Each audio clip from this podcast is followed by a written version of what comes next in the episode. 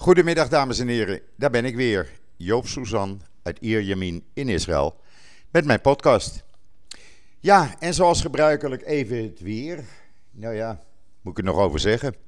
Het uh, is gewoon 38 graden hier bij mij. En op andere plaatsen, meer van Tiberias, is het uh, rond de 40. Eilat is het 42. Dode Zee is het 2, 43 graden.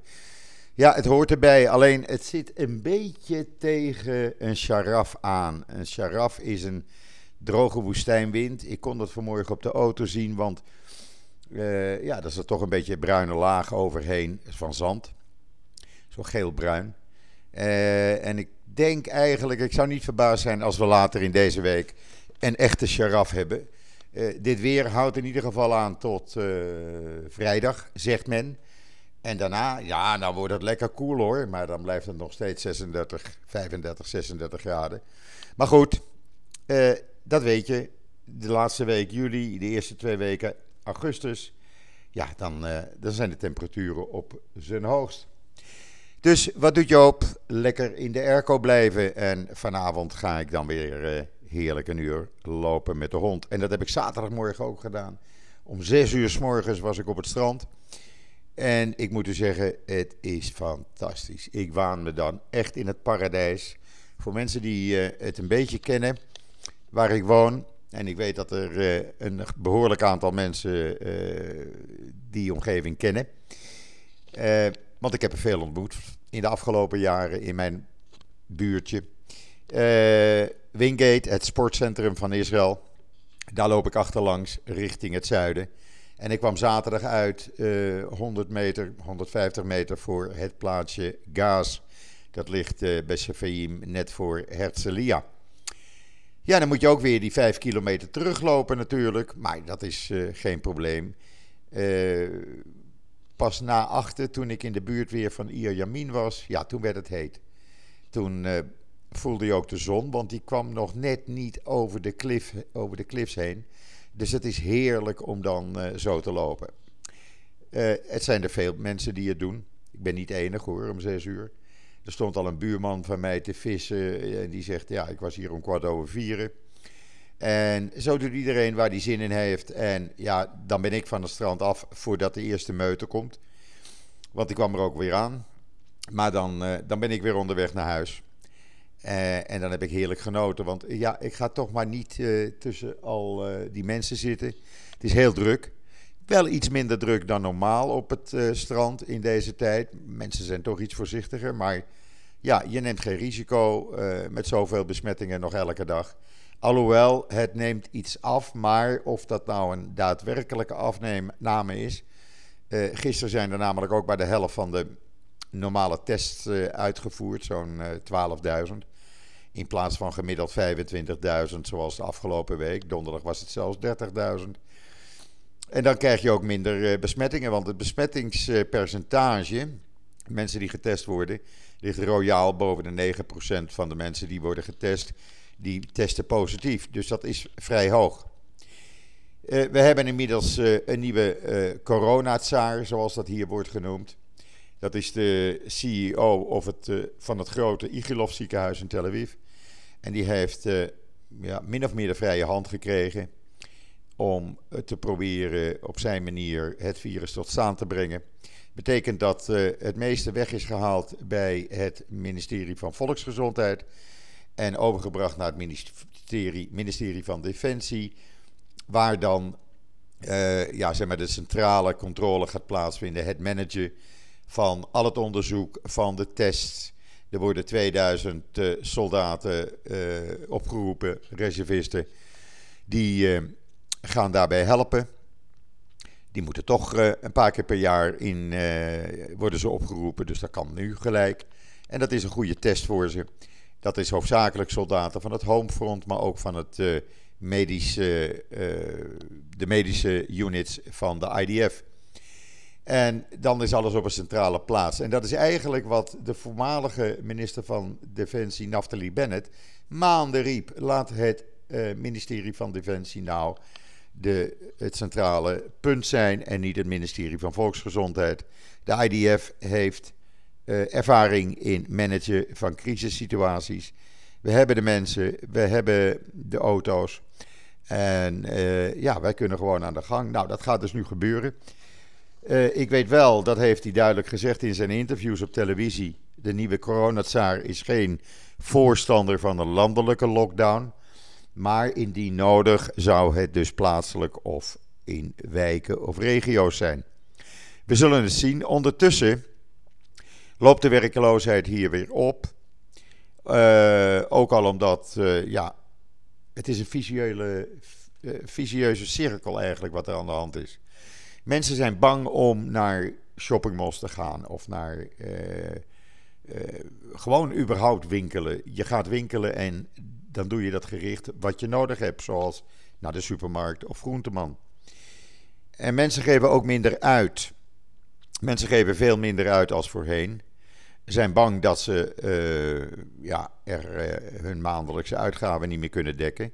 Men bezuinigt op eten. 21% van de bevolking doet dat. 55% van de bevolking is echt bang dat ze niet genoeg geld meer hebben om hun maandelijkse vaste lasten te betalen.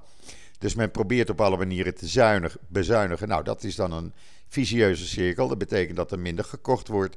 Betekent weer dat er minder geproduceerd wordt, minder geïmporteerd wordt. En daardoor, ja, wat zie je nu? Het uh, aantal werklozen ligt rond de 1 miljoen. Het loopt daar richting uh, 1 miljoen en zal niet lang meer duren voordat we daar overheen gaan. En dat is geen goed teken natuurlijk.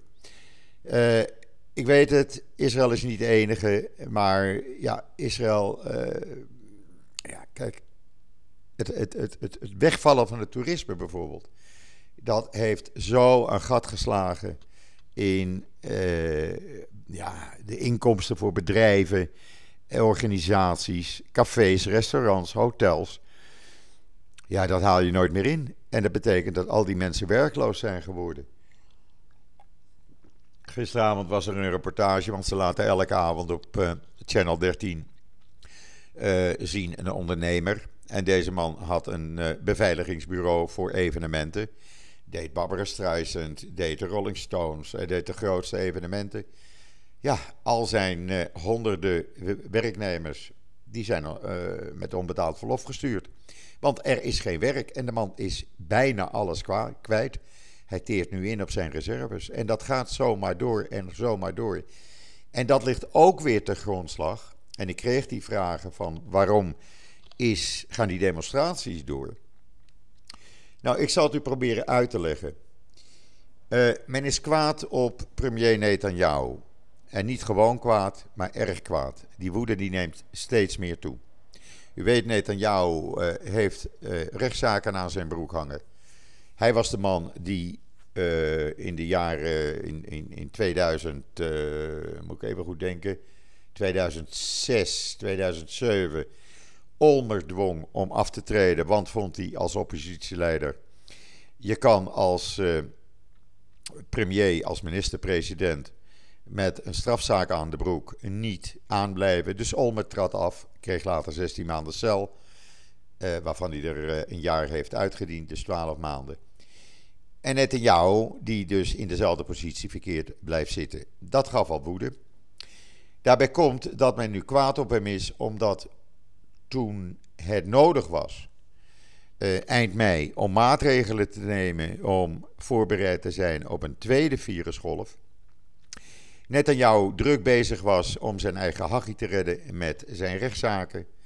Allerlei maatregelen wou nemen om rechters te vervangen. Daar kom ik straks nog even op terug.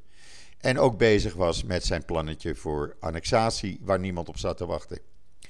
Hij heeft dus totaal geen oog gehad voor wat er aan zat te komen. En het publiek, het Israëlische publiek, uh, ja, uh, zegt nu: sorry, jij bent te druk met je eigen besonjes. in plaats van te druk zijn met de besonjes van het land. En dat nemen wij jou ten zeerste kwalijk. En wij vinden dat jij af moet treden. We hebben jou gekozen, maar nou is het genoeg. Bibi, ga naar huis. Dat is de leuze die je constant hoort. Nou is het ook zo dat er al, nou, een jaar, anderhalf jaar, misschien wel twee jaar, al een kleine groep oudere Israëli's kampeert voor zijn residentie in Jeruzalem in Balfour Street. Ik ken die omgeving goed, want ik, we hebben daar vroeger gewoond. om de hoek eigenlijk, niet te ver daar vandaan.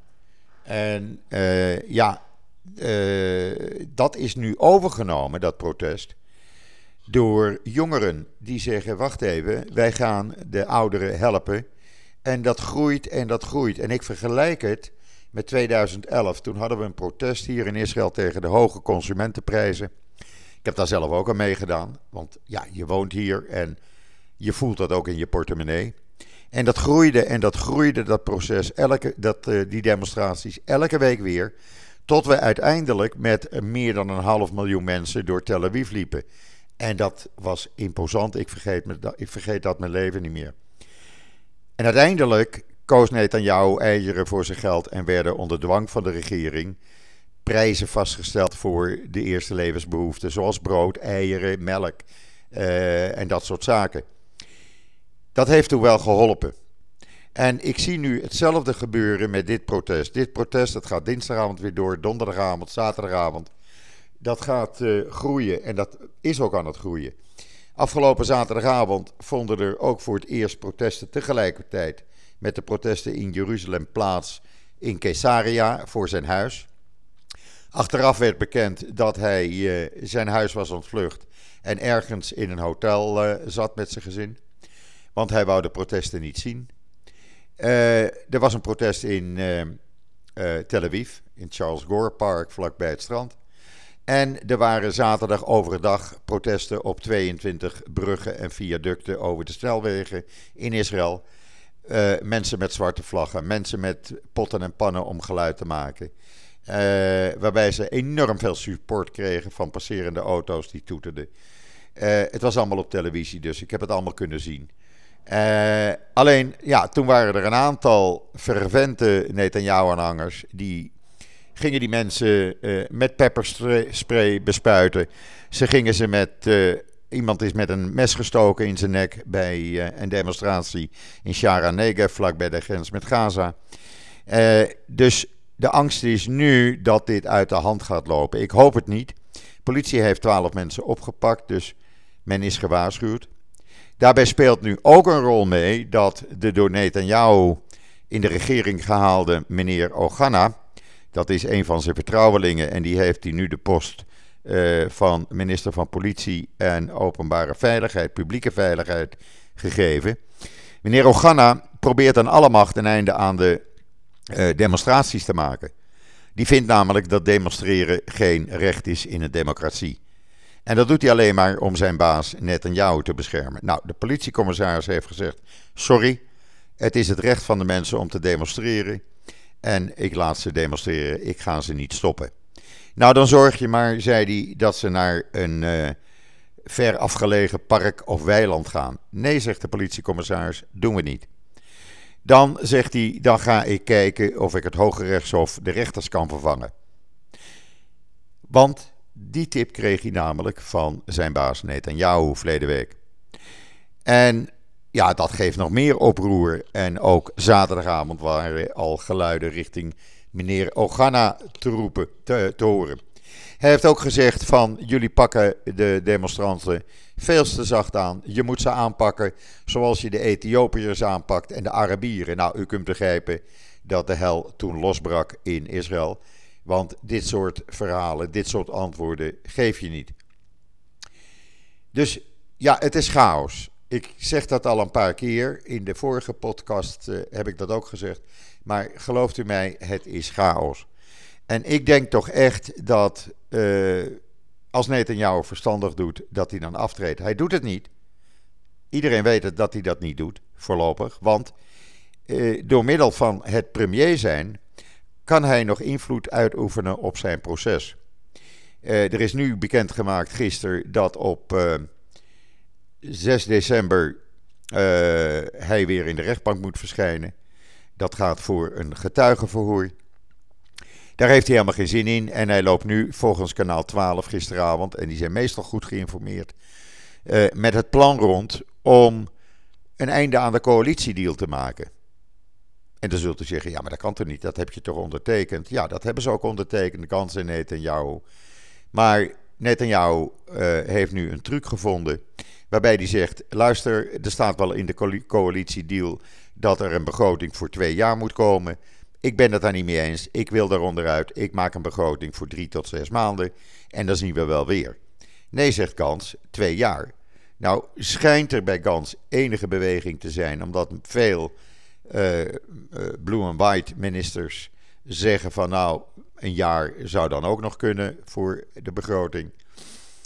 Uh, maar Netanyahu zal dat niet pakken, niet accepteren. Betekent dat er dus een eind aan de coalitie komt. En daar heeft hij een oplossing voor gevonden, denkt hij. Hij is twee onafhankelijke, twee mensen die uit Blue and White zijn gestapt en als onafhankelijk Knesset-lid uh, in de Knesset zitten. Die is hij aan het bewerken om lid te worden van zijn partij. Dan heeft hij een meerderheid van net 61 Knesset-zetels. Als iedereen, iedereen hem voor de rest trouw blijft. En dan kan hij zeggen, meneer Gans, met je blue and white, doei, ga maar weg. Ik ga verder als zelfstandig premier met mijn rechtse blok. En we gaan helemaal niet roleren. En ik uh, veeg met die uh, coalitieovereenkomst die wij gemaakt hebben. Daar veeg ik mijn kont mee af. Als dit gaat lukken, dan is dit rechtstreekse dictatuur. Sorry, ik heb er geen ander woord voor. Maar dit is rechtstreekse dictatuur. De democratie wordt gewoon opzij gezet. Alleen maar om het eigen belang van Netanyahu te dienen. En dat pikt men niet meer. Dat pikt men niet meer. En ik, eh, ik denk dat er morgenavond een nog grotere demonstratie komt. Die op zaterdagavond zal uitmonden in een demonstratie waar misschien wel 50.000, misschien wel meer mensen aan zullen meedoen. Misschien zelfs 100.000. Je weet het niet. Iedereen is het zat. Men raakt werkloos. De jongeren hebben geen inkomsten meer. Eh, jongeren moeten leven van een uitkering en dan krijgen ze 2500 shekel per maand, waar ze eerst misschien 25.000 shekel per maand verdienden in de high-tech. Dat kan niet meer. Dat kan gewoon niet. En dan kan je wel zeggen, iedereen krijgt nu 750 shekel. Nou, en dat is eenmalig. En daar moeten we het allemaal dan mee doen. Terwijl ondertussen de ene na het andere bedrijf gewoon omvalt. En dat is jammer. Dat is jammer dat het belang van één man uh, voorgaat boven het landsbelang. En als je dan geen oog meer hebt voor democratie, ja, dan hoef je voor mij ook niet meer te blijven zitten. En men zegt ook, en ik ben het volslagen met die leuze eens, uh, men zegt ook, het land behoort aan het volk Israël en niet aan de familie Netanyahu. En daar ben ik het mee eens. Zaterdagavond werd die leuze voor het eerst gebruikt. En ik dacht, ja, men heeft gelijk. Zo is het precies. En dit is precies de pijn die iedereen in het land voert. Netanyahu heeft het uitstekend gedaan als premier. Hij heeft enorm veel goede dingen gedaan voor Israël. Maar op dit moment is zijn tijd gewoon voorbij. Uh, en dan kunt u zeggen, ja, maar waarom ben jij zo anti-Netanyahu? Ik ben niet anti-Netanyahu. Nu wel, maar ik was dat niet. En ik was dat niet omdat het land alleen maar baat had bij alle beslissingen die Netanyahu tot, laten we zeggen, een jaar geleden nam. En in het afgelopen jaar is er alleen maar besloten dingen waar hij baat bij heeft en niet het land. En daarom is het land nu in chaos. En daarom hebben we nu dus die stijging in die tweede golf, waar niemand op voorbereid was. Er waren geen voorbereidingen getroffen. Er waren te weinig testen. Uh, men had uh, alle, alle drive-thru uh, locaties om te testen al gesloten. Men had de coronavirusafdelingen al gesloten in ziekenhuizen. Ja, en nu zitten we dus met de gebakken peren. En dat vind ik jammer. Dan huilt mijn hart. Want ik hou van dit land. Zoals iedereen van dit land houdt. Het is een speciaal land. Het is een land waar iedereen betrokken is bij wat er in het land gebeurt. Niet alleen bij wat er met de buren gebeurt. Niet alleen bij wat, je, wat er in de straat gebeurt. Maar ik ben ook en iedereen is betrokken bij wat er in een andere stad, een andere wijk gebeurt. En als dat ten prooi valt aan spelletjes om je eigen huid te redden als politicus, dan is dat heel, heel pijnlijk. En niemand die dit wil toelaten. Ik kan u zeggen dat uit peilingen blijkt dat zo'n 75% van de Israëlische bevolking dit niet toelaat. Dat zijn dan potentiële demonstranten. Dat betekent zo'n 7 miljoen mensen. En dat is veel. Dat is erg veel. En als je als politicus niet luistert naar het volk, niet luistert naar de pijn van het publiek, niet je ogen opent voor de problemen waar men mee te maken heeft, dan ben je het niet waard om politicus te zijn. Ik vind het erg, ik vind het jammer dat ik op deze manier moet praten, maar ik dacht bij mezelf, ja, ik ga het nu gewoon eens duidelijk uitleggen hoe wij het hier voelen. Want wij die hier wonen, wij die hier leven, wij zijn trots op het land. Wij zijn trots op Israël. En wij hebben met heel ons hart en zaligheid zijn we bereid te vechten voor dit land. En of dat nou vechten is tegen Hezbollah, tegen Palestijnse terreur, tegen uh, Iran, maar ook tegen een politicus die alleen maar aan zijn eigen belang denkt, dan gaan we ervoor. En dat is de, de kracht van het volk in Israël. Dat is de kracht van het Joodse volk altijd geweest.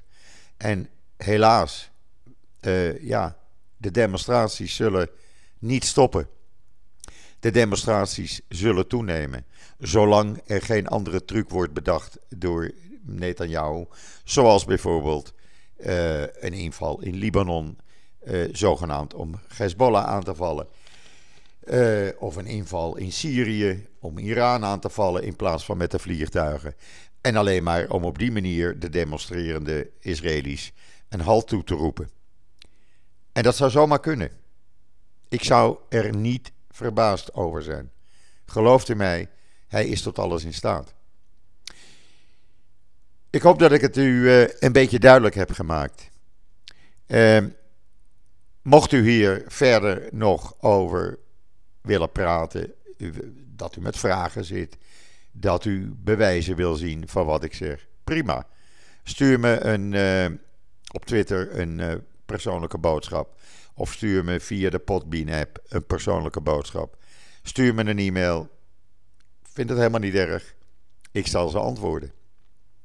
Wat ik, uh, ja, ik denk dat ik het u wel duidelijk heb gemaakt nu. En voor de rest, wat gebeurt er voor de rest? Ja, weinig. We hebben de spanningen aan de grens met uh, Syrië en Libanon. Doordat men vermoedt dat Hezbollah wraak gaat nemen. Omdat er uh, afgelopen week bij een aan Israël toegeschreven luchtaanval op Iraanse doelen rond Damascus. Een lid van de Hezbollah terreurgroep om het leven is gekomen. Het zou kunnen, we wachten het af. Er zijn in ieder geval genoeg versterkingen naar het noorden overgebracht. Er zijn tankeenheden overgebracht. De transporten met tanks zijn al uh, geweest. En iedereen is in gereedheid gebracht om te wachten op de dingen die komen gaan. Ik zelf denk dat het een heel beperkte actie zal zijn van uh, Hezbollah. Mochten ze het proberen. Ze zijn gewaarschuwd. Haal het niet in je hoofd, want dan gaat de boel plat. Dat betekent uh, ja, de verschroeide aarde. Dat heeft Israël heel duidelijk in de boodschap via uh, andere diplomaten aan Hezbollah meegedeeld. We zullen zien wat er gaat gebeuren. Ja, je raakt er een beetje aan gewend en we wachten het gewoon af. En voor de rest, ik zei het u al, en daar ga ik ook weer mee sluiten. Het is heet in Israël. Echt heet in Israël. En we missen u. We missen u, de toerist. We missen de gezelligheid van de toeristen. We missen, ik mis, de Nederlandse toeristen. Waar er altijd wel een aantal van waren van, die mij belden. Joop, ik ben in de buurt, kunnen we een kop koffie drinken? Ik mis dat. Vind dat jammer. Hopelijk volgend jaar weer. Uh, zo dadelijk uh, op JoodsNL een video over Israël. Wat u mist. En morgen weer een video over Israël. Wat u mist en wij missen. En daar zult u het even mee moeten doen. En voor de rest, hou JoodsNL in de gaten. De enige website met al het nieuws uit Israël en de Joodse wereld. Rest mij u nog een hele fijne voortzetting van deze maandag voor, uh, toe te wensen. Wat mij betreft, uh, ik uh, hoop donderdag weer bij u te zijn. En zeg ik, zoals gebruikelijk, tot ziens, tot donderdag.